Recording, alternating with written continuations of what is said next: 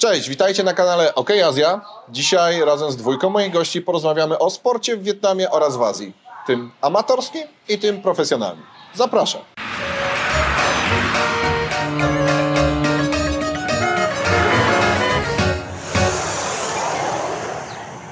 Dzień dobry panowie. Witam was w naszej tropikalnej scenerii gościnnie w barze Three Monkeys.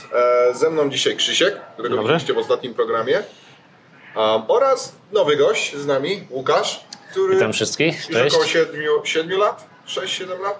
Siedem będzie. 7 mieszka w Wietnamie, ale o Twojej historii pogadamy, porozmawiamy następnym razem przy kolejnym odcinku. A dzisiaj taki temat, jesteśmy po zgrupowaniu polskiej kadry, to porozmawiamy troszeczkę o sporcie. O sporcie w Wietnamie, może troszeczkę odniesiemy się do całej Azji, ale skupimy się na Wietnamie. Ale zanim porozmawiamy o tym profesjonalnym sporcie, odniesiemy się do kadry, porozmawiajmy o tym sporcie w codziennym życiu Wietnamczyków. Bo on tutaj występuje, możemy go praktycznie codziennie widzieć. No i właśnie, jak wy w waszym tutaj długim życiu widzicie, jak Wietnamczycy się, e, jakich sportów zażywają, co lubią, jak to wygląda? Z mojego doświadczenia powiem tak, że Wietnamczycy rzeczywiście lubią uprawiać sport, ale jeżeli mają iść na bazar 20 metrów, to pojadą motorem.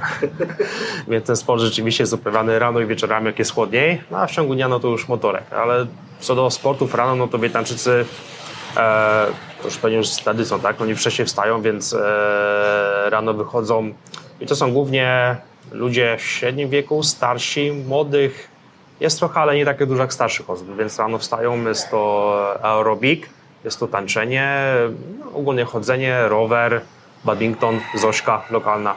Wszystko w lokalnych parkach lub na Tak. alejkach. Tak, dokładnie. A, no i, i wszystko tak mówimy rano, ale powiedzmy, że to jest piąta, szósta rano. Tak, piąta, szósta rano, tak. wychodzą, jest jeszcze chłodniej i wtedy mogą, i wtedy mogą pograć. A widzicie generalnie, że Wietnam jest aktywny? Czy, czy Wietnamczycy są aktywni? Znaczy ja może jeszcze nawiążę do tego, że ty powiedziałeś, że widzimy to na co dzień, tak? Ale właśnie jeśli jesteśmy w trybie powiedzmy standardowym polskim, wychodzimy z domu o siódmej, czy tam ósmej, no to tego sportu nie zobaczymy, tak? Bo to jest to, co wspomnieliście, on się bardzo wcześnie dzieje. E, No a potem w ciągu dnia mamy słońce, upał i odpowiednio, odpowiednio mniej tego, tego sportu widzimy. Natomiast myślę, że taki przeciętny Wietnamczyk jest e, zdecydowanie bardziej aktywny sportowo niż, e, niż Polak przeciętny, szczególnie jeśli jakby popatrzymy pod kątem e, takim wiekowym, tak? No bo właśnie e, te wszystkie osoby w średnim, e, starszym wieku naprawdę wychodzą do parków. Zresztą to nie musi być park, tak? Wystarczy wyjść na ulicę, wziąć kijek od miotły i tak bardzo wiele osób rozciąga się gdzieś jakieś wymachy ramionami przy barierce, przy latarni, oprzeć się tak, wymachy nogami, to jest, e, to jest coś, co każdy gdzieś tutaj e, praktycznie e, robi, tak? Każda osoba starsza, jeśli nie ma naprawdę jakichś ograniczeń ruchowych, no to ona się stara gdzieś ruszać, wie, że, wie, że ruch to zdrowie, że tak powiem. Tak, tylko z kolei jest to mogę coś dodać, że w Polsce tak emeryci pójdą do sklepu, pójdą do lekarza, tak, e, pójdą na zakupy. Tutaj Wietnamczycy, emeryci, jeżeli siedzą w domu, no to mają rodziny, która to wszystko załatwia, tak, a dla nich jedyna szansa wyjścia z domu właśnie to są te ćwiczenia, tak, żeby nie siedzieć cały czas w tych czterech ścianach. Coś, co ja widzę, jest tu bardzo popularne. Nie wiem, jak to popularne obecnie jest w Polsce, bo przynajmniej może jest tego dużo budowane, ale nie wiem, jak jest tego używalnością. To są siłownie zewnętrzne. Tutaj z racji klimatu są one w wielu miejscach i, i rzeczywiście rano oraz wieczorem, no w środku dnia nie, w środku dnia nikt tutaj sportów nie zażywa poza tymi, co trenują do ultramaratonów. E, te siłownie są pełne. To są najczęściej ludzie w wieku właśnie 40, 50, 60, 70, którzy sobie tych siłowni e, używają. A z takich sportów e, powiedzmy zespołowych, co obserwujecie, że Wietnamczycy najbardziej lubią? Piłka na nożna. Piłka nożna. Piłka nożna, tak. Łukasz? Znaczy to tak, zdecydowanie. Piłka to jest jakby, że tak powiem, e, nie, nie powiedziałbym, że sport narodowy, ale jeden chyba z najbardziej popularnych też pod kątem oglądalności tego, co, co jakby się ogląda w telewizji, tak? Na co się gromadzą większe, większe grupki, tłumy, żeby, żeby obejrzeć w telewizji. Szczególnie chyba też sukcesy reprezentacji młodzieżowej kilka lat temu w czasie w czasie jednego z turniejów azjatyckich e, w tym pomogły, no bo to były wielkie wydarzenia społeczne wręcz, e, gdzie wszyscy oglądali piłkę. No ale jeśli chodzi o sporty, o profesjonalnym sporcie myślę, że jeszcze porozmawiamy Tak, nieco tak, później, tak? tak. E, natomiast jeśli chodzi o sporty zespołowe, no to jeszcze siatkówkę też na pewno trzeba uwzględnić. E, może o, te, o niej się aż tak nie wiem, może w ten sposób w Saigonie może aż tyle nie widzimy, tak? Ale to jest bardzo popularny sport też w kraju, szczególnie na południu, e, gdzie mamy bardzo dużo też e, osób pochodzących z Kambodży. Taka ciekawostka, nie wiem czy ktoś wie, to jest najbardziej popularny sport e, w Kambodży. Jeśli sobie spojrzymy na taką, nie wiem, mapę świata, gdzie są kraje i mamy sporty jakby drużynowe najbardziej popularne, będzie oczywiście piłka nożna, piłka nożna, gdzieś tam jakiś, nie wiem, baseball w Stanach i tak dalej to koszykówka. koszykówka. I jest chyba jeden, jedyny kraj na świecie, Kambodża, gdzie, gdzie siatkówka jest e, jakby najbardziej popularnym e, A sportem. mocni? To razu dopytam. No, ze, względu, ze względu na warunki fizyczne nie do końca, ale, Ale ale, ale właśnie w związku e, siatkówka też jest, e, też jest popularna e, tutaj. Nie wiem, czy, nie wiem, czy jakby tą Zośkę tutejszą, o której e, Chris wspominał, e, doliczyć do sportów drużynowych, no bo to zazwyczaj jakby w grupie e, się tym Jak zajmujemy. najbardziej, no to jest taki... Myślę, Może zrobimy zbliżenie na Zośkę. na- Chris na- akurat na ma koszulkę. koszulce, tak. Y, Dla tych, co nas słuchają, y, bo to jest taka Zośka, ale to jest ta wietnamska wersja, czyli koguci ogon. Czyli takie piórko wbite w sprężynkę plastikową i to się podbija stojąc w grupie, stojąc w grupie, czy wśród, wśród dwóch osób między sobą. I Wietnamczycy są w tym świetni, grając w japonkach lub na boso. Chociaż niektórzy mają specjalne buty, znaczy mają jeden zwykły tenisówek, a drugi ma taki specjalny but z wzmocnieniem, żeby to nogę nie bolało od dużej ilości uderzeń. A to takich butów nie widziałem. A widziałem, niektórzy mają już. To już profesjonal, Tak, profesjonaliści, tak? Tak, tak, tak. No i jeszcze badminton. Tak. To jest też coś, co, co, co w- Polsce raczej chyba myślimy troszeczkę jako taka gra dla dzieci, a tutaj rzeczywiście wszyscy koło mojego domu jest specjalne boisko. Nawet ja ostatnio zakupiłem zestaw, jeszcze nie użyłem, ale, ale bo jak chcę iść zawsze to wieje, ale że oni, oni tutaj grają. Tak, no i tak jak w Polsce na przykład, nie wiem, są te orliki, tak, czy są hale do koszykówki, no to w Wiet- Wietnamie są hale specjalnie przygotowane pod badmintona. Się idzie, wynajmuje rano, też kiedy, pamiętam, jak poznałem moją żonę, bo na samym początku też chodziliśmy właśnie rano z znajomymi, graliśmy badmintona. Znaczy ja udawałem, że gram, oni grali, tak? No dobra, a ten taki sport narodowy, jakbyśmy mieli powiedzieć, bo można tutaj zobaczyć, że i w Wietnamie, w innych krajach Azji tak samo, jest taki głód sukcesu sportowego i wszyscy próbują coś sportować i trenować. Natomiast czy, jakbym powiedział Filipiny, no to sportem narodowym jest koszykówka. Wszyscy oglądają, grają, mimo że nie mają wzrostu na koszykówkę, to NBA odpaliło tam specjalny, wiele lat temu, specjalny kanał, wszystko transmituje i, i tak jak e, Manny Pacquiao jest bohaterem Filipińczyków, ponieważ w boksie zdobył sukcesy, to tak jestem pewien, że pierwszy filipiński koszykarz w e, lidze NBA to będzie po prostu bohater narodowy na, na lata i zapisany Tak, gdzieś Chińczyk, na, tak? na, E, W Wietnamie widzimy jakiś taki, no, co moglibyśmy powiedzieć, sport narodowy Wietnamczyków? Tam powiedział karaoke i spanie. No. Ale tak, No ale tego nie możemy zajść do dyscyplin. Na olimpiadzie w to nie grają. no jeszcze, To znaczy- mo- może jakieś karaoke będzie na olimpiadzie, no nie, nie wiadomo.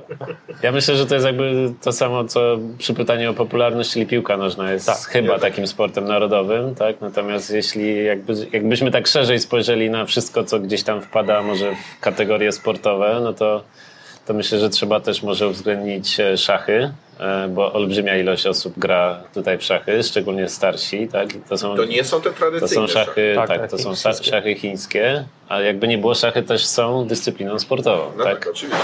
E, Bilard e, też jest dyscypliną sportową, a klubów bilardowych jest Masa. nie wiem czy nie więcej niż klubów karaoke w niektórych Dodajmy, miejscach. to są takie specjalne duże hale, gdzie tych stołów jest po Tak. 10 i, i wszyscy grają. No? Bilard to jest mega popularny. No i, no i badminton, to myślę, że to są takie najbardziej, naj, najszerzej jakby przez wszystkich uprawiane e, dyscypliny, plus różnego rodzaju sztuki Walki. sztuki walki. Tak? To one są tutaj w całej Azji Południowo-Wschodniej bardzo, bardzo popularne.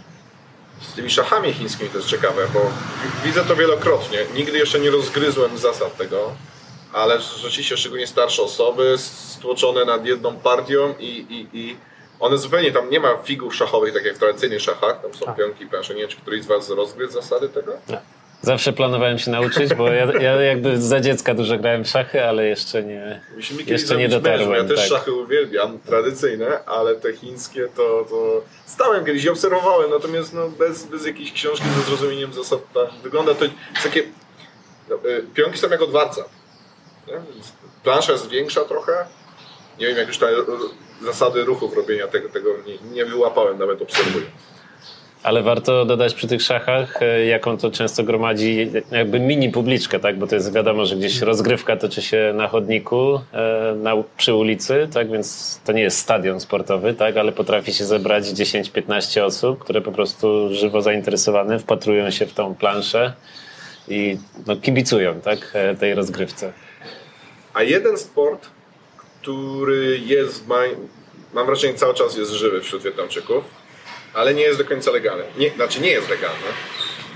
I nie do końca możemy to nazwać sportem, jest to trochę hazard, mówiliśmy o tym, to są e, walki kogutów, tak. które się cały czas odbywają. Nie wiem, czy mieliście okazję widzieć je w Wietnamie. Tak, ja widziałem kilka razy. E, Bo to jest ktoś, kto podróżuje przez Wietnam. Niezależnie czy z wycieczką, czy sam na pewno zobaczy mnóstwo kogutów e, trzymanych w takich kratkach. I właściwie nie do końca rozumieją, po co te koguty siedzą w tych kratkach. No a to są, to jest ten tutaj nielegalny sport w Azji, e, który jest w całej Azji. E, I, I rzeczywiście ja kiedyś, ja raz widziałem taką walkę. Jechałem kiedyś w Alekę, w której mieszkałem. No i duży tłum i a- akurat i oni, ponieważ mnie znali, to się nie wystraszyli, bo to jest nielegalne. Normalnie myślę, że w innej ręce nagle zniknęli wszyscy. Ale rzeczywiście tego guty e, do walki używają. Widzicie, myślicie, że to jest raczej malejąca skala tego, czy, czy nadal jest to popularne? moim zdaniem jest cały czas sposób popularne. Hazardu? Cały czas popularne, moim zdaniem. Myślę, że jakby skala tego jest stała, natomiast no, my nie mamy jakby wglądu w to, tak? Bo to jest bardzo, bardzo, że tak powiem... Nie, ale to wystarczy się przejść tak po ulicach, właśnie Lokalnie. widać te, te, te kosze z kogutami, tak? No, Nie no, kosze dużo ich, tak? to koszy tu jest No więcej więc- niż boisk do piłki. No, ale Tak, też no. trzeba powiedzieć, że nie każdy kogut, który, no bo jakby tutaj bardzo wiele osób też hoduje ptaki śpiewające, tak, ale taki posiadanie pięknego koguta, który nie jest koniecznie przeznaczony na walki, też jest swego rodzaju klubą gospodarza, tak, więc to nie każdy, nie każdy kogut, którego zobaczymy na ulicy, Jest e, bokserem. jest, Jest tak, jest ma, swo, ma swoją kartę zawodniczą, tak, i, i rekord z walkami. Ale to jest najbardziej tutaj o brutalności tych walk, bo, bo jest to zakazane i, i mamy nadzieję, że kiedyś to zostanie zlikwidowane zupełnie. Natomiast na Filipinach to zupełnie jest przypinanie takiego nożyka. To jest cały sport, są ludzie specjalnie wytrenowani w tym, żeby ten nożyk nakładać. Ale okej, przejdźmy do tych sportów, w których krew nie, się nie leje, które są legalne. Łukasz, wspomniałeś o, o kadrze 23 w piłce. Może, może jeszcze, bo rozmawialiśmy o tych sportach takich jakby popularnych e, i jakby takim szerokim spojrzeniu na sport. Myślę, że jeszcze, bo nie wspomnieliśmy o wędkowaniu, które Tak. też zalicza się do sportu, tak? I to jest bardzo które popularne. jest po prostu widoczne w każdym, w każdym miejscu tutaj. Wietnam po pierwsze ma olbrzymią, dłu- niesamowicie długą linię brzegową, tak? Oblany morzem z każdej, nie z każdej oczywiście, ale z, z dwóch stron, tak? E, e, olbrzymia ilość rzek, e, no i każdy, każdy niemalże Wietnamczyk gdzieś tam, jeśli nie, nie do teraz, no to za dziecka pewnie miał styczność z, z wędkowaniem gdzieś nad rzeką przy użyciu kijka. Teraz już widać, że coraz więcej oczywiście są e, w pełni profesjonalne sklepy. Z, tak, więc, e, więc jakby wędkowanie jest na tyle popularne, że myślę, że każdy, każdy Wietnamczyk, e, także kobiety, miały styczność z wędkowaniem, bo to często widzę, że, że jest po prostu mąż i żona siedzą sobie gdzieś z wędkami nad, nad rzeką i, i po prostu wędkują. E, I każdy przybywa tych sklepów e, profesjonalnych ze sprzętem i naprawdę bardzo dużo osób e, wędkuje nad rzekami, nad kanałami.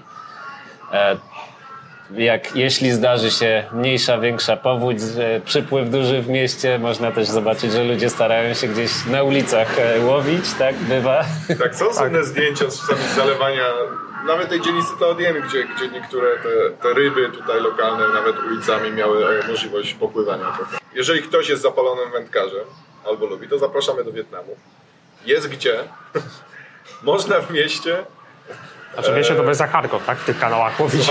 W mieście to wersja hardcore w tych kanałach No to jest w ogóle taka legenda miejska, tak? Że, że czasami ryby, które kupujesz z ryżem na ulicy są stąd, z tych kanałów, bo świeżutkie, ale, ale ja akurat w to nie wierzę, ponieważ rzeczywiście yy, tych osób wędkujących jest masa. Jak się jedzie przy każdym kanale, na każdym mostku, te, te wędki e, stoją. I jeszcze, bo wiem, że wiem, że ciągnie ci do piłki, tak? Dobra. Nie, gdzie tam? Zapalony kibic piłkarski, więc czekasz, czekasz na ten temat. Nie, nie, nie, nie. Ale e, kolejna kategoria sportowa to są e, e, e-sport, tak? Czy też sport A, komputerowy, tak? To bardzo, tak, to właściwie To jest, to jest, y, mówimy jakby cały czas o tych starszych osobach, że one w parku gdzieś tam ćwiczą, tak, i się ruszają. No młodzież w tej chwili cała wietnamska ćwiczy i, i jakby tutaj ruchy nadgarstków, tak, no bo wszyscy, e, wszyscy gdzieś grają, grają w gry po prostu, tak. E, I, I zresztą Wietnam jest bodajże chyba trzecim krajem na świecie, jeśli, jeśli chodzi o, e, o liczbę graczy i, i, i chyba nawet wyżej, jeśli chodzi o procent populacji. No bo oczywiście jeśli chodzi o samą liczbę, no to te bardziej ludne kraje świata, Chiny, Indie i tak dalej są daleko poza zasięgiem, ale jeśli chodzi o procent e, osób e, używających e, gier na smartfonie, to jest e, bodajże chyba 92% Wietnamczyków, którzy posiadają smartfona, e, gra w gry jakieś, tak? Więc to, to się przekłada na chyba 55 milionów osób grających w gry w tym kraju. No, to imponująca liczba, natomiast y, dodatkowe są te tutaj, tak samo jak są te hale, hale bilardowe, są też hale gamingowe tutaj, gdzie, gdzie poustawiane są konsole y, i, i można przyjść i, i w gry sportowe, e-sportowe grać. Byłem raz w takim zaciemnione miejsce, monitor obok monitora, płacisz pewną kwotę, logujesz się na swoje konto i, i, i trwa zabawa. Także te, te miejsca, jest ich również masa i co chwilę widać. No to są takie, w Polsce były to kiedyś kafejki internetowe, tak? I najpierw się tam jakby lata temu, tak? Szło wtedy skorzy- chodziliśmy tam na internet, Tak, a tak. oni chodzą typowo pograć. Ale, no bo my początkowo chodziliśmy na internet, tak? Potem internet się, dostęp się spopularyzował i chodziliśmy też, czy też młodsze osoby chodziły grać do tych kafejek, tak? No bo to tak, jakby wspólnie zawsze... po sieci, tak, tak. Więc to, gdzie, to gdzieś w Polsce też, też istniało, no ale, ale tutaj właśnie te kafejki to są stricte takie kafe... To są, to są olbrzymie właśnie miejsca czasami. Ja też raz byłem w takim chyba pięć pięter. E, każdy założony komputerami. Poszliśmy, że, poszliśmy e, ze znajomymi zagrać i to, co mnie najbardziej tam jakby zaciekawiło, nie wiem, czy w polskich kafejkach taka była kiedyś opcja, no to jest to, że po prostu zazwyczaj każdy spędza tam dużo czasu, więc można sobie zamówić napoje, w tym piwo, e, do swojego, do swojego miejsca przy stole, tak, jedzenie. I to nie, nie na zasadzie, że nie wiem, kanapka i frytki, tylko wręcz jakiś ryż z mięsem, pe, że tak powiem, pełne danie. Także można tam de facto całą noc siedzieć, grać, pić i, i, pić i jeść, tak? I, i cały, i Cały dzień. Tak. Więc to, to myślę, że też jest ciekawy, ciekawy temat, który gdzieś, gdzieś tam można pewnie też poruszyć. Może później. musimy kiedyś taki turniej zrobić w FIFA właśnie w takim jednym miejscu. em, całego FC Polen, bo Łukasz, ty masz koszulkę, to od razu wspomnę, Tak jest. jeżeli mówimy o amatorskim sporcie. E, Dla tych, co nas słuchają, Łukasz ma koszulkę FC Poland Saigon, czyli jeszcze takiego nieoficjalnego polskiego klubu w Saigonie, ale już ze swoim herbem i koszulkami, grającego tutaj w turniejach. I to też jest ciekawe, że em, obcokrajowcy, którzy tutaj mieszkają, też starają się takie turnieje organizować i bierzemy też udział w takich turniejach, gdzie grają Włosi, gdzie grają Duńczycy, gdzie grają Francuzi, no i my jako reprezentacja polska. Mówię my, bo cała trójka e, oraz nawet gospodarz nasz dzisiejszy e, w tym zespole jesteśmy. Na razie jeszcze bez sukcesów, my jako, ale pracujemy nad tym. Trenujemy. No dobra, to z takich sportów, które jeszcze musielibyśmy wymienić, popularnych mimo wszystko wśród Wietnamczyków jest coś, co teraz rośnie przez to, że się infrastruktura pojawia mocno, to jest tenis. E, Coraz więcej boisk tutaj budowanych otwartych, no bo też pogoda na to pozwala. E, No i golf. Wietnam jest, ma piękne pola golfowe, coraz więcej, coraz lepiej organizowane i wiem też, że sporo tutaj bogatszych turystów przylatywało swego czasu właśnie typowo pograć e, tylko na, na polach golfowych tego regionu. Coś jeszcze moglibyśmy powiedzieć, że Wietnam jest popularny? Ja tylko dodam o golfie, że chyba dwa lata z rzędu Wietnam, akurat dwa ostatnie lata, kiedy był zamknięty na przyjazdy z zagranicy, ale wygrał e, jakieś e, plebiscyty stowarzyszeń golfowych jako najlepsza destynacja na świecie do, do gry w golfa. Natomiast ci goście to są głównie, głównie Azjaci, jakby tutaj e, z regionu, którzy przyjeżdżają grać w golfa. Ale, ale no, ma świetne, świetne warunki i pola do, do Czyli możemy polecić golfiarzom, możemy polecić wędkarzom Wietnam, takim, którzy by się nie spodziewali.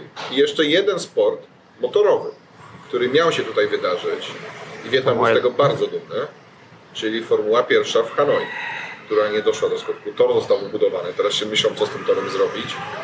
Eee, bo to miał być, to był duży sukces. To właśnie o tym takim głodzie sukcesu w Wietnamie chwilę sobie porozmawiamy.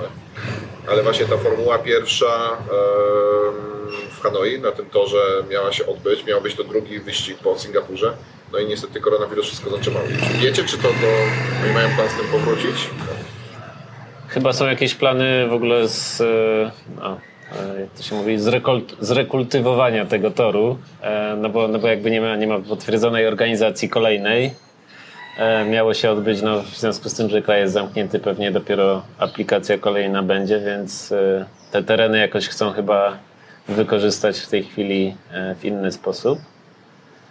No byłoby to na Drogi pewno, na byłoby to duże wydarzenie sportowe, ale z drugiej strony nie można, myślę, że nie możemy powiedzieć, że sporty motorowe jako takie są w Wietnamie bardzo popularne. Oczywiście każdy ma swój motor, jeździ na nim wszędzie.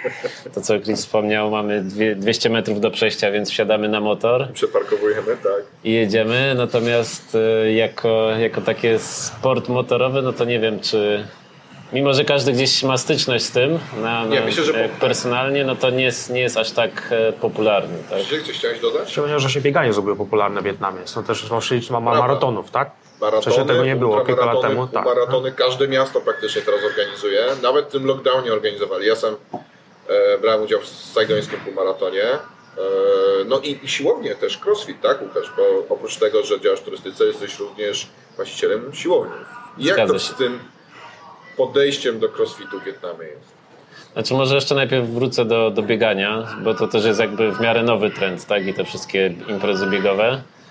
E, Bo ja jakby w Polsce, zanim przeprowadziłem się tutaj, dużo biegałem też w różnych e, tego typu wydarzeniach, e, więc e, gdzieś, gdzieś mnie to tam interesowało, powiedzmy tutaj jak przyjechałem, więc to jest e, bardzo świeża sprawa. E, Wszystkie te maratony organizowane tutaj, ale niesamowicie popularne. Natomiast jest olbrzymia różnica e, jakby w poziomie i, e, że tak powiem, nie wiem, oczekiwaniach uczestniczących, że ludzie zapisują się masowo na te biegi, one są niesamowicie popularne, ale jako takie wydarzenie społeczne po prostu. Ludzie nie idą tam, żeby, żeby poprawić swoją życiówkę na 5 km czy 10, bo zdecydowanie większość osób na te dystanse się zapisuje i to są tłumy prawdziwe. E, Jak mamy, nie wiem, maraton w Saigonie, tak? No to jest główny dystans. e, Będzie być może też e, pół- półmaraton przy okazji, ale, ale to zazwyczaj jest przy okazji osobnego jak po prostu wydarzenia. Ale przy takich biegach zawsze są te towarzyszące 5-10 no. kilometrów, więc na przykład 5 kilometrów to widać olbrzymie rzesze osób, które po prostu przychodzą na linię startu i, najczę- i bardzo często po prostu szybkim tempem idą ze znajomymi w dużych grupach, rozmawiając cały dystans, robią sobie zdjęcia, publikują, dostają koszulki biegowe. E, Wzięli udział w wydarzeniu i, i, to jest, e, i to jest świetna sprawa. Na przykład jest też e, taki zawsze był Color Me Run, czyli nie wiem jak to w Polsce się nazywa, bieg, gdzie po prostu można się różnego rodzaju farbami obrzucić, e, ubrudzić, że tak powiem, stricte, stricte jakby pod kątem spędzenia miło czasu i, i to, to jest właśnie wydarzenie, które myślę, że świetnie się wpisuje w oczekiwania jakby tej ogólnej rzeszy biegaczy. Tak. Natomiast tych, tych bardziej zapalonych e, profesjonalistów przybywa. E, Triatlony też się pojawiają i coraz Tak. więcej właśnie osób trenuje. To jest jakby, że tak powiem, progres, tak? Pojawiają się imprezy biegowe, później właśnie triatlonowe. E, Spartan Race e, pierwszy miał być w zeszłym roku zorganizowany, ale został odwołany ze względu właśnie na przez COVID, więc jakby dot, ma też tutaj dotrzeć. No my prowadzimy klub CrossFit, których jest w Europie cała masa. W Wietnamie są w tej chwili w 100-milionowym kraju tylko trzy takie, e, trzy takie kluby, w tym dwa w Saigonie. e, I mm, Wietnamczycy jeszcze nie do końca są gotowi na to, tak? no bo oni, tak jak mówię, bardziej, e, że tak powiem, społecznie podchodzą i pod kątem socjalizowania się często do, do różnego rodzaju tych aktywności sportowych.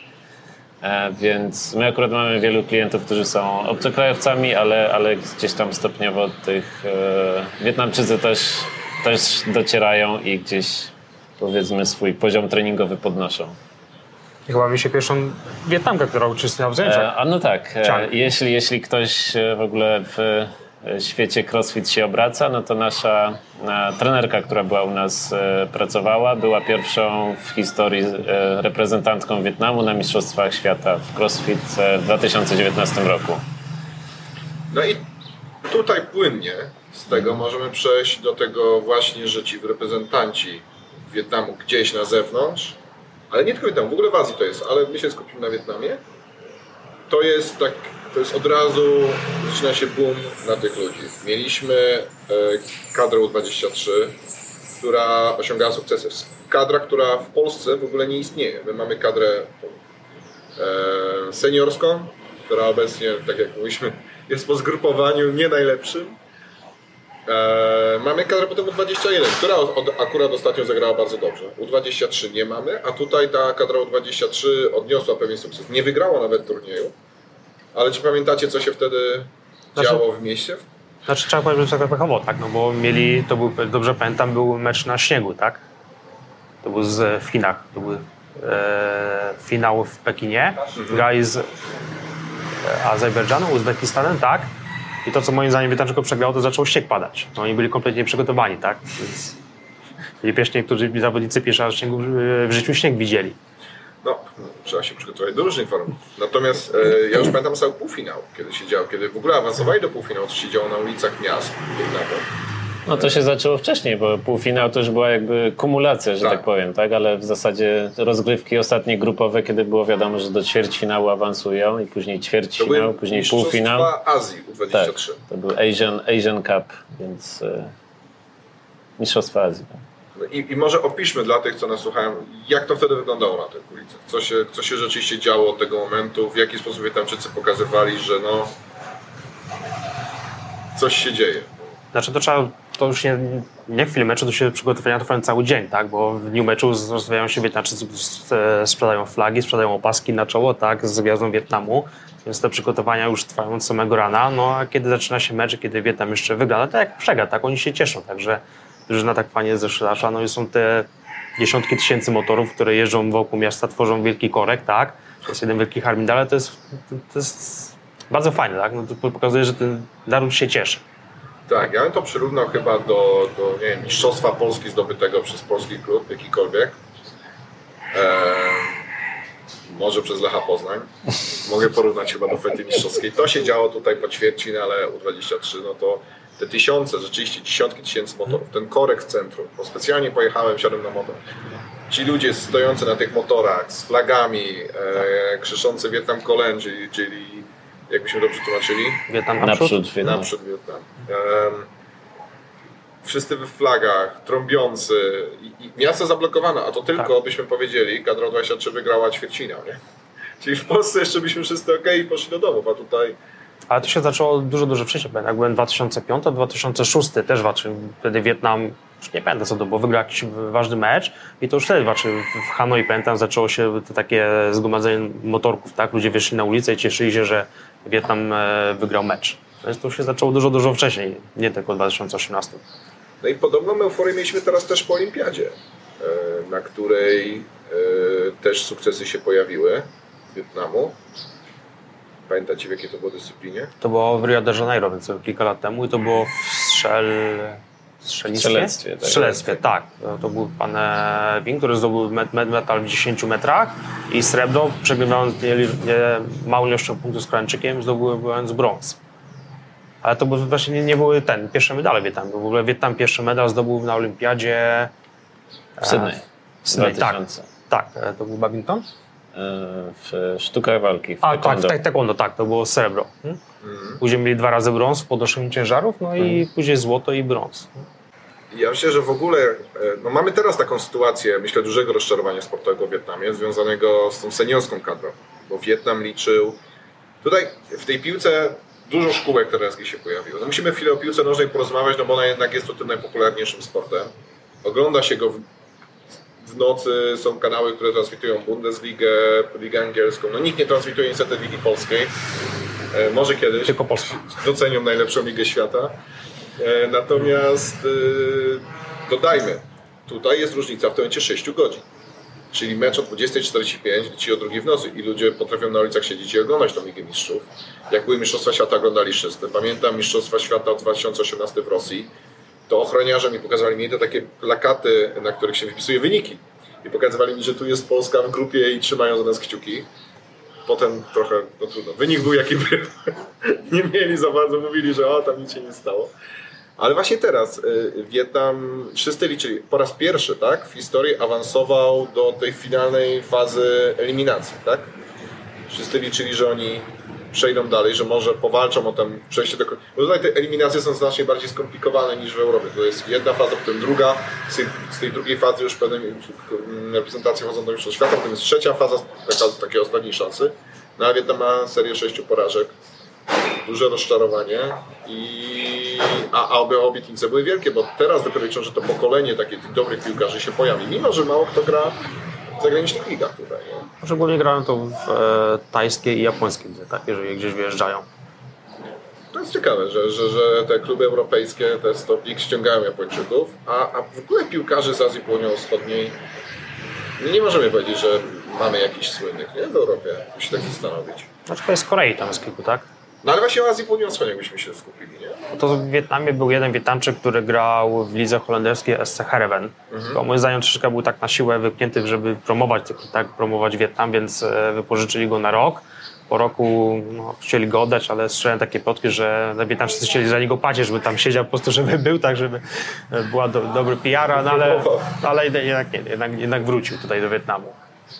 Ale Wiesz, tak, no, jest coś tak, jak wspominałeś o japońskich piłkarzach w Europie, natomiast z nimi często jest, y, pojawia się ta kwestia, tak, czy klub ściąga tego piłkarza ze względów stricte sportowych czy marketingowych, no bo, no bo przecież jakby każdy taki transfer piłkarza, e, a Japonia jest też jakby dużym rynkiem i, i jakby sporo, sporo może marketingowo klub zyskać, jeśli, jeśli mam japońskiego mm. piłkarza, więc y, Mam wrażenie, że część z tych piłkarzy grających w Europie jest, e, jest bardziej jakby e, zabiegiem marketingowym danych klubów niż stricte solidnym wsparciem, jakby wzmocnieniem zespołu. Oczywiście są świetni piłkarze, tak, nie można im nic e, ująć, natomiast myślę, że że niektóre z tych transferów no to są bardziej, e, że tak powiem, kalkulacje gdzieś tam czy zarządu, czy, e, czy któregoś tam e, trybiku w klubie, który, który uwzględnia jakby szersze, szersze spektrum, nie tylko sportowe. No. Dlaczego nie grają za granicą? Ostatnio gdzieś tam nawet podsyłałem wam taki artykuł interesujący dla mnie, który opisywał właśnie ostatnie mecze reprezentacji i koment, komentowano tam zawodników, gdzie bodajże też jeden z trenerów reprezentacji mówił, że ten piłkarz jest świetny, ale ma wytrzymałość na grę przez 15 minut, tak? Więc myślę, że takie kwestie na pewno są gdzieś tam wpływają na ich ewentualne transfery za, za granicę, tak? Świetnie gra, ale przez 15 minut. Ale co do no wytrzymałości, pamiętam, byłem tutaj to był chyba mój drugi raz i przyjechał Panathinaikos Ateny na mecz towarzyski do Wietnamu. No i wtedy jeszcze Żewakow grał w Panathinaikosie. I pamiętam pierwszą e, połowę Panathinaikos, no Wietnamczycy nie mieli nic do powiedzenia, tak? Ale w drugiej klimat zabił Panathinaikos. Oni nie mieli siły biegać. Ci tacy wielcy potężni facet jak Łukasz, Wietnamczycy tacy malutcy, jak ja przeskakiwali i robili z nim co chcieli. No to y, tutaj przy grze to nawet my widzimy kiedy gramy. Pamiętam przecież polska kadra gra na Mistrzostwach Świata w 2002 z Koreą, kiedy tak. się śmialiśmy wszyscy, że Hajto nie wiedział gdzie biegają Koreańczycy, tak, bo tak szybko między nimi e, biegali. Ale z tym, z tym e, ruchem mam wrażenie tak jest, z tym transferowym, ponieważ e, słyszałem, że Bayern Monachium chciał przyjechać w przyszłym roku. Nie wie, czy przyjedzie z racji obostrzeń, ale że te kluby coraz nie tylko jadą do Chin, żeby się promować, ale też właśnie spoglądają na te rynki, bo tak. tu jest też ogromne zainteresowanie. No, była, był przykład piłkarza z Indonezji, który chyba, może nadal on jest, w Lechii Gdańsk w Polsce, który grał i nagle przecież był e, ogromny ruch na konta instagramowe i facebookowe Lechi, gdzie tam nagle się pojawiało po 50 tysięcy komentarzy z Indonezji. I, I nawet chyba był mecz z innym polskim klubem, gdzie, gdzie jak ten piłkarz, piłkarz drużyny przeciwnej sfaulował tego piłkarza z Indonezji, to od razu na jego profilu tam było, a dlaczego go kopnąłeś, żeby nie dałeś strzelić. Więc myślę, że tak pierwszy piłkarz, który wyjedzie rzeczywiście do tej jednej z topowych lig, to będzie ponownie wydarzenie i taki bohater, który będzie tutaj na wszystkich e, reklamach, bo kiedy ta U23 z trenerem zdobywała e, te, te, te, sukcesy, a oni nie wygrali tych meczów, oni zajęli drugie miejsce no to wszędzie ich widzieliśmy, tak? Wszystkie możliwe marki e, używały tych piłkarzy i trenera do, do, do swojej promocji, więc może tak będzie. Um, a z Polaków, którzy tutaj sportowo są słynni, na pewno powiemy Lewandowski, tak? To jest nasz top ambasador. Na szczęście wiedzą, że jest Polakiem. Znaczy, może... dzięki temu przestali mieć Polskę z Holandią. No, to, to no tutaj ten ambasador w Azji zrobił dużą robotę. Na pewno wszyscy znają Lewandowskiego, ale zastanawiam mnie, nie znam odpowiedzi, dlaczego nie widać jego koszulek na ulicach. Bo wszyscy mają koszulki Ronaldo, wszyscy mają koszulki Messiego, a jakby Lewandowskiego, który wszyscy znają, no jakoś tych koszulek nie ja widzę. widziałem, że są do kupienia w Bayer, Bayernu Monachium te, te, te podróbki. To widziałem jego nazwisko, ale rzeczywiście No tak, ale nie widzisz ich na ulicy, nie. tak? Myślę, że jednak siła marketingowa Ronaldo i Messiego jest znacznie większa Lewandowskiego. To jest też to, teraz było przy Złotej Piłce, nie? Że, że prawdopodobnie tam głosują dziennikarze z całego świata. No i po prostu na takiej Sri Lance czy w takim Wietnamie, no jednak siła popularności Lewandowskiego jest znacznie mniejsza, a też oglądania niemieckiej ligi myślę, że jest mniejsza niż wyczynu właśnie Barcelony, czy, czy, czy Realu, czy, czy Manchester United, tak? To chyba te trzy kluby, jeśli mogli powiedzieć, są tutaj najpopularniejsze z Europy. Natomiast coś, o czym musimy wspomnieć, mieliśmy tutaj paru polskich piłkarzy, którzy w wietnamskiej lidze grali. Krzysiek, ty znasz chyba lepiej historię. Znaczy było trzech piłkarzy, no i pan Wysocki zrobił największą furorę, ponieważ e, w derbach takim z lokalnym rywalem w derbach Hue e, strzelił gola. No więc po tym e, prezes samego klubu wysłał po niego samochód, dali mu nowy kontrakt do podpisania. Tam chyba był dwuletni kontrakt, z którego nie korzystał, no ale dzięki temu z klubem zwiedził kawałek Azji, no i był taką no, bardzo ważną postacią. Tak? Kiedy wychodził do knajpy, to już nie płacił za zupę foty, tylko była mu dawana za darmo. Tak? Więc ale myślę, że jakby ważną też rzeczą do wspomnienia, dlaczego był gwiazdą, e, czy też dlaczego się wyróżniał, e, no tak. bo z tego co czytałem miał 195 cm wzrostu. Tak? Więc Dlatego główko strzelił tego gola. Jak sobie to zestawimy ze średnią tutaj wzrostu e, Wietnamczyków, no to ta jego głowa zawsze była tak powyżej głów wszystkich, wszystkich innych co najmniej. Tak, no jeszcze jeżeli chodzi o piłkarzy z zagranicy, to tutaj był, e, znaczy rozegrał tylko jeden mecz i w tym meczu strzelił gol, to był e, Brazylijczyk Denilson, który w 2002 roku zdobył Mistrzostwo Świata z, z Brazylią. kadry Brazylii, tak. tak. i on tam nawet w tym finałowym meczu wszedł na dwie minuty ostatnie, więc coś tam umiał grać, no ale to, to już było tak jakby zakończenie jego kariery, więc ten jeden mecz rozegrał, już później nie był w stanie grać dalej i wrócił, no ale był, to on grał w drużynie z Haifongu. Okay. Więc to też duża promocja tak dla drużyny i dla Wietnamu. Ja pamiętam jeszcze, że w 2018 roku miał być tutaj, czy 2017 miał być kolejny polski piłkarz, ale jest to limit obcokrajowców w lidze e, i dlatego nie przeszedł, nie, nie, nie, przyjechał tutaj. Mamy chyba piłkarza w tym momencie w tajskiej lidze polskiego. E, na pewno w Australii mieliśmy piłkarzy, e, więc gdzieś tam się oni pojawiają, mimo że nasza liga nie jest najlepsza, ale myślę, że czasami mają taki wybór życia trochę w tropikach, trochę rzeczywiście innym świecie, a jednocześnie jak tutaj w słabej lidze wietnamskiej, nie możemy powiedzieć, że ona jest mocna, e, no to od razu stają się takim lokalnym bohaterem. Także mamy swój polski akcent w polskiej lidze, e, w polskiej, wietnamskiej lidze. Czekamy też na wietnamski akcent w polskiej lidze, to jest ciekawe, bo ta mniejszość wietnamska, oni mają młodych, którzy mają w tym momencie 16, 17, 18 lat, którzy grają i może niedługo zobaczymy. Jak teraz był Matty Cash, to może niedługo jak w polskiej kadrze będzie jakiś Nguyen. Tak. Tomasz Nguyen. Tomasz Nguyen. Tak. A jeśli chodzi o wietnamską kadrę, teraz tak jak widzimy, no, grają sami Wietnamczycy, tak? Jak przyjechałem w 2005 roku, to był, zaczął się taki nawał przyjazdu zawodników z zagranicy, szczególnie to byli z Nigerii. Z Afrykę tak, tak, z Nigerii. No i wtedy zaczęli grać w wietnamskiej lidze, no i później była nacjonalizacja, więc Wietnamczycy mieli tam e, kilku zawodników z Afryki, pamiętam chyba mieli barakarza z Ukrainy, ale teraz już jest, już jest tak, teraz jest już zupełnie Ten trend przeszedł, jest typowo wietnamska Jak kadra. Y, przyjechałem do Wietnamu i w 2014 roku to moimi jakby sąsiadami w budynku, tylko piętro wyżej byli właśnie dwaj Nigerczycy, y, Nigeryjczycy, którzy grali tutaj, w, nie wiem w którym saigońskim klubie, bo Saigon ma kilka klubów w ekstraklasie. Tak. Szkoci Min Football Club, który jest takim, jak to Saigończycy mówią, prawdziwym klubem.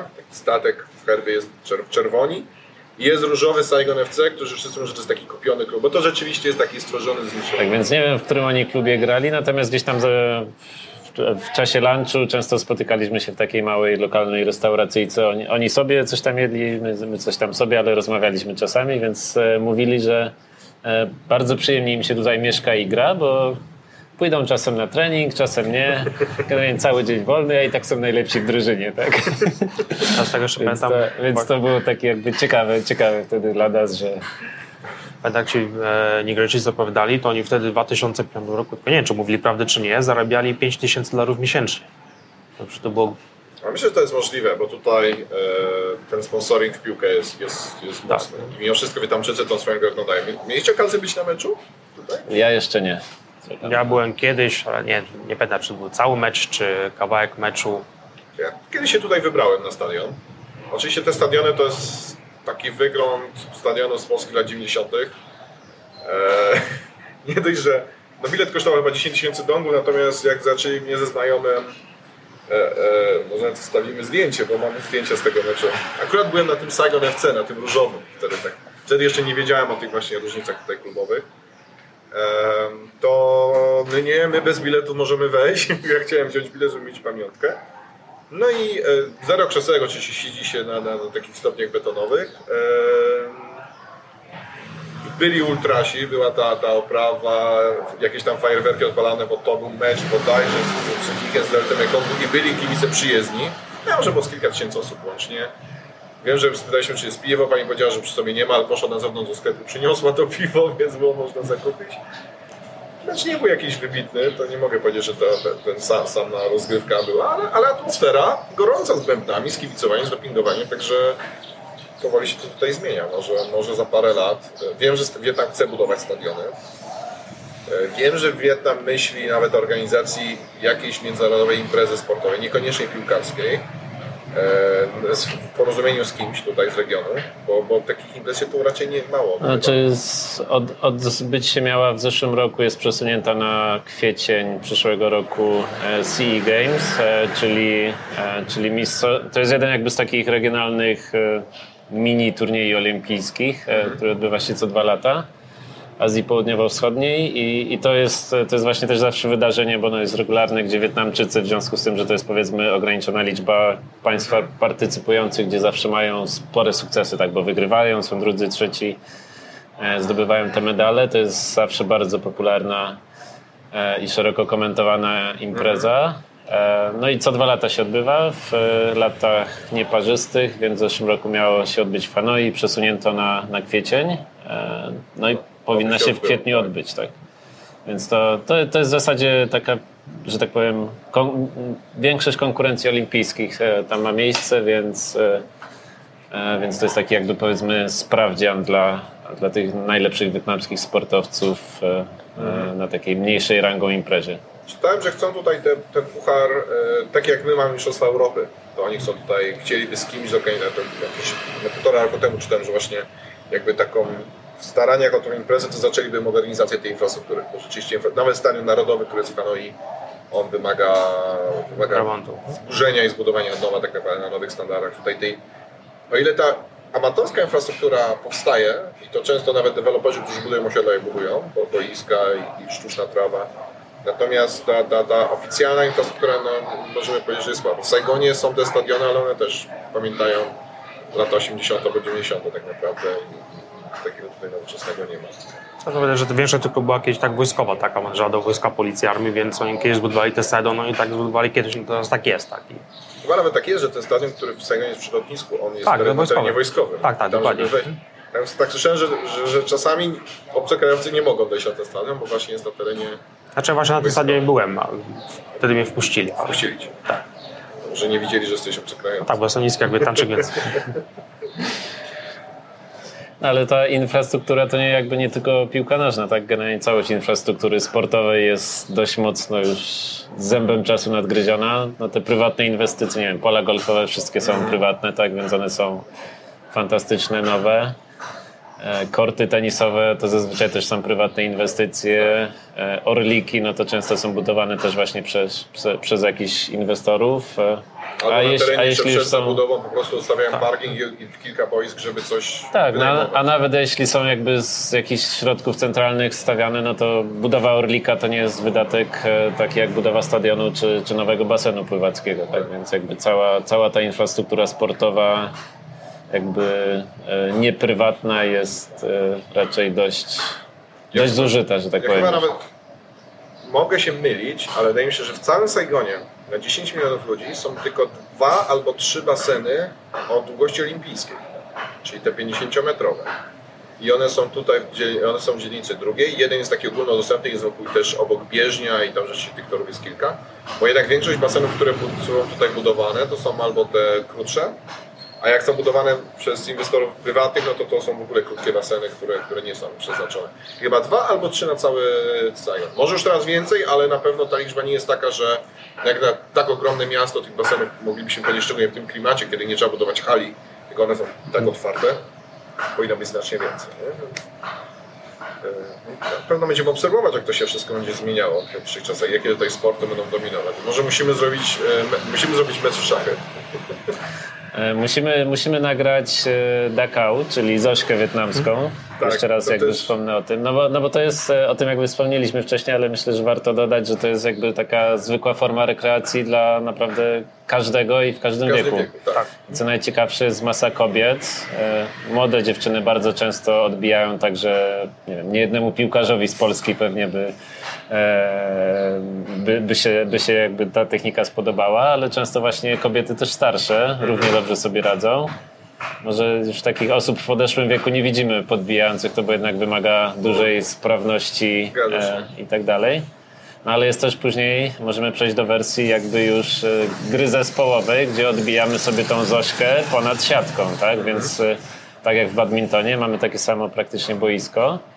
E, No i polega, polega gra na tym, tak jak w badmintonie, żeby tą Zośkę naszą przebić e, na drugą stronę i żeby uderzyła w podłoże, tak? Więc ta, tam są, że tak powiem, uderzenia niemalże z przewrotki, tak? E, Ściny nogami, wszystko się odbywa, więc ob- obejrzenie tego na takim poziomie jest już czymś niezwykle ciekawym i to jest też jakby bardzo blisko powiązane z przebijaniem piłeczki rattanowej. To jest taki sport w Kambodży, w Tajlandii, w Laosie bardzo popularny. Mniej więcej może rozmiaru tego kokosa e, jest taka piłeczka rattanowa, pusta małpki. Małpka z kokosa. E, Jest taka piłeczka rattanowa, którą sobie przebijamy nad siatką, nad sznurkiem, jeśli ktoś nie ma siatki, e, właśnie grając po dwie, trzy osoby w drużynie. E, To nazywa się Sekraf, jeśli dobrze pamiętam. Możemy, możemy w opisie e, dodać e, dokładną nazwę. Tu gdzieś wyświetlimy. Tak, ale, ale to, jest, to jest w zasadzie odbijanie tej zoszki tutaj, a w reszcie regionu, regionu piłeczki rattanowej to jest taka drużynowa jakby odmiana tego. I powiedziałeś o innych krajach ja tak zapytam na sam koniec, a właśnie w innych krajach, w czasie waszych podróży, widzieliście takie sporty, które w Wietnamie nie występują, może w Europie są mało popularne, a tam rzeczywiście są, są bardzo popularne. W Tajlandii chyba krykiet. No tak, krykiet to jest... albo polo. Któryś z tych dwóch sportów jest bardzo popularny. Znaczy, my, jeśli, jeśli o Tajlandii mówimy, no to trzeba zacząć od Muay Thai, tak? No bo to jakby wszyscy, wszyscy w Tajlandii robią. E, czy też ka- każdy to zna, tak? Każdy to zna. Jest szkółka, szkoła, Nawet y, co kawałek. Polacy robili tam, e, chyba e, jeden, Przemysław Saleta, tylko bokser miał chyba nawet szkółkę w Tajlandii. Tak, na Phuket e, Tak. swój, swój ośrodek treningowy. Który jest zresztą, Phuket jest bardzo popularnym miejscem właśnie na różnego tego Mhm. rodzaju obozy sportowe, głównie powiązane ze sportami walki. Jakieś jeszcze nie? No Filipiny, koszykówka. Kosz naprawdę w każdym miejscu wisi i, i grają. No Filipiny w ogóle, co nie, wiele osób zdziwi, brało udział w olimpiadach zimowych. Kilka razy. Okej? Tak, tam było w, e, na pewno brali... To musi zdziwić, tak? tak, Jak było skoki narciarskie, to Nie, nie. wyłączamy. to była kombinacja alpejska i jeszcze jakaś druga dyscyplina. No proszę. Także brali, medalu nie, medalu nie zdobyli, ale brali udział kilka razy. No. A jeżeli chodzi o to Indonezja, Malezja, no to badminton, tak? No to, jest, to są potęgi. Teraz Filipiny miały ogromny sukces na olimpiadzie. Y, Teraz mieliśmy olimpiadę w... Gdzie była ostatnia olimpiada? Teraz mi wypadło. Wytniemy. E, W Japonii. W Japonii. Tak, Tak, była, tak. przesunięta, tak, przesunięta była. Ona była przesunięta, to dlatego. Przepraszam. E, I Filipiny miały pierwszy złoty medal w historii w podnoszeniu ciężarów. E, później chyba jakiś jeszcze drugi medal był i, i wiem, że nawet moja dziewczyna, która generalnie, no, siedzieliśmy my w lockdownie, więc ta olimpiada dla nas była idealna. Ona leciała przez cały dzień, Polacy musieli oglądać nocą. Chociaż raz, to my zwykle oglądamy Ligę Mistrzów po nocach, czy oglądając tutaj Mistrzostwa Świata, oglądamy je po nocach, to chociaż raz oni musieli coś oglądać po nocach. Natomiast ja miałem cały dzień włączony i ona nawet teraz się tym zupełnie nie interesuje, to nagle było, o my mamy złoty medal, Filipiny się całe cieszą, radują, bo przywieźliśmy medal, bo to jednak nie jest typowe, że ktoś tam z, z tej Azji zdobywa medal. W Indonezji? No. E, Chciałem o Laosie wspomnieć. E, Bardzo Lao tańczy poza właśnie też przebijaniem piłeczki rattanowej e, czy siatkówką w mniejszym stopniu niż w Kambodży, ale lubią też petang albo bule tak zwane. Można A, to to zobaczyć naprawdę. francuskie kule, tak, francuskie rzuca. kule, które sobie rzucamy w naprawdę wielu miejscach. E, Można zobaczyć, To jest że. taka kolonialna pozostałość. Tak, w, na, w, nawet w jakichś takich starych parkach jest, jest po prostu zawsze wytyczony placyk, placyk do gry i, i naprawdę sporo osób w to, e, w to cały czas gra. Taka cieka- ciekawostka, Grałeś kiedyś? przywieziona oczywiście przez, przez Francuzów, tak, ale e, tak, grałem parę razy. Śmieszna, śmieszna Tak. gra. Ja nawet mam zestaw, ale to w, w domu w Polsce. Kiedyś kupiłem we Francji, jeszcze coś powiem. Co mi polecali. Może tak jeszcze, bo rozmawiamy cały czas o tych sportach, że oczywiście mówimy tylko i wyłącznie o sportach letnich, bo sportów, sporty zimowe nie istnieją w tym regionie, tak, ze względów pogodowych, tak. Tak, nie ma tutaj skoków, nikt nie ogląda Nikt- skoków, nikt nigdy nikt nie nie był- Małysza. Tak. Więc jak przy, przyjedziemy sobie porozmawiać o skokach narciarskich, to nikt nie będzie wiedział, czym są skoki narciarskie. To po pierwsze. Może, nie wiem, hokej pewnie każdy będzie, będzie się kojarzyć. W Saigonie są w tej chwili chyba trzy lodowiska już, które I- są w nowych, e, że tak powiem, e, centrach handlowych.